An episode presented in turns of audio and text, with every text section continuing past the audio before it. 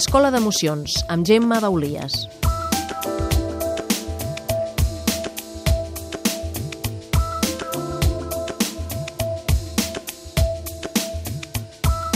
Som a l'Ofici d'Educar i som en aquesta petita escola d'emocions que anem fent programa a programa. Ens acompanya la Gemma Baulies, que és pediatra, és metge naturista, coautora del llibre L'aventura de relacionar-se, eh, i que avui ens parla d'una emoció que en vam parlar un dia eh, abans, que és molt forta, que ens tiranitza, podríem dir-ho, mm. i que d'alguna manera molt sovint traslladem als nostres fills inevitablement, que és la exigència. Mm -hmm. Benvinguda. Gràcies. Bueno, sí, és una, és una emoció molt...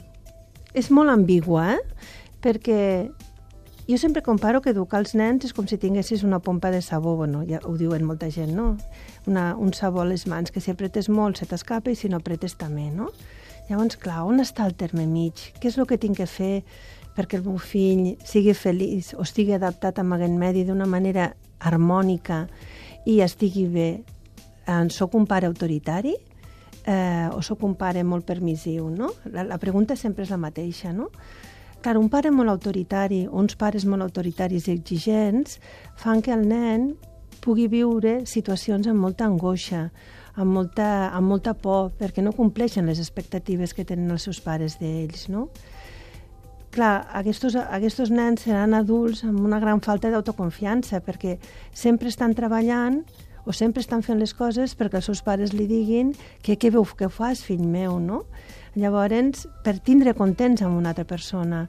Clar, l'educació tindria que ser des d'una altra perspectiva, no?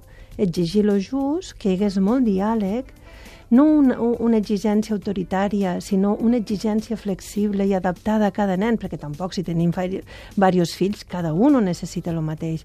I, i cometem l'error de ser estrictes amb tots igual, i no, perquè cada nen és un món diferent, no? Clar, i aquesta exigència tan d'acompanyament, aquesta és la que dona fruits de nens molt més oberts, independents, autosuficients... Eh, clar, però com arribar al terme mig, no? Com apretar, no apretar massa o apretar massa poc, no? Perquè, perquè el nen es pugui adaptar d'una manera correcta, no? eh, ja et dic, tanta exigència d'una manera tan, tan autoritària, l'únic que fa és, és nens dependents i tristos a la llarga, no? I sí que s'està veient que ara s'està criticant molt, no? perquè ja, diu que hi ha pares molt permissius, però també hi ha l'altre extrem, pares molt exigents perquè volen que els seus fills triomfen a la vida. No? Clar, hi hauria per fer 10.000 programes. Què vol dir triomfar a la vida? Què és triomfar la vida? Ser algú molt famós, ser, algú, ser una bona persona i, i trobar-te realitzat amb plenitud amb tot el que estàs fent? Clar, hi ha tantes maneres de veure la vida tan diferents i tantes maneres de criar que jo crec que el més important de tot és tindre un gran respecte pel nen que tenim davant, no?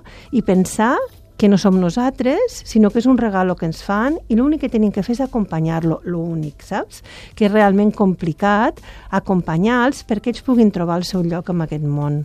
I sobretot, eh, com que sempre ho diem, que el, el, nosaltres som el mirall del uh mhm. -huh. nen i per tant aquella exigència que ens col·locarem a sobre nostre, ells aprendran que se l'han de col·locar sí, sobre sí. d'ells, no? Per tant, mesurar aquesta exigència. Sí. L'exigència, com dèiem, té, té un punt que és, que, és, que és necessari, però també té un punt en el que ens pot esclavitzar d'alguna manera. I de totes maneres els nens capten molt eh, les nostres actituds més que les nostres paraules, eh? que a vegades no cal ser solament exigent en paraula, sinó que també en actitud.